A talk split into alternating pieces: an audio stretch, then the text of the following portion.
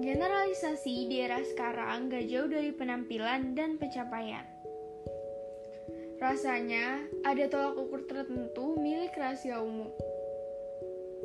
Kadang kamu jadi kepikiran buat putar waktu ke masa lalu gak sih? Berharap jadi sosok yang sesuai kriteria publik, yang indah dan tanpa noda. Gak munafik, ketika ada mulut berujar, akan selalu ada hati terusik. Tapi tenang aja, ada dua tangan yang siap melindungi kamu dari semua ujaran gak baik di luar sana. Bahkan, hingga kriteria tampilan yang gak berdasar. Gak munafik lagi, dunia nyata milikmu akan selalu berharga, karena kamu juga berharga dan berhak berbagi atas dirimu, tanpa perlu omong kosong di luar sana.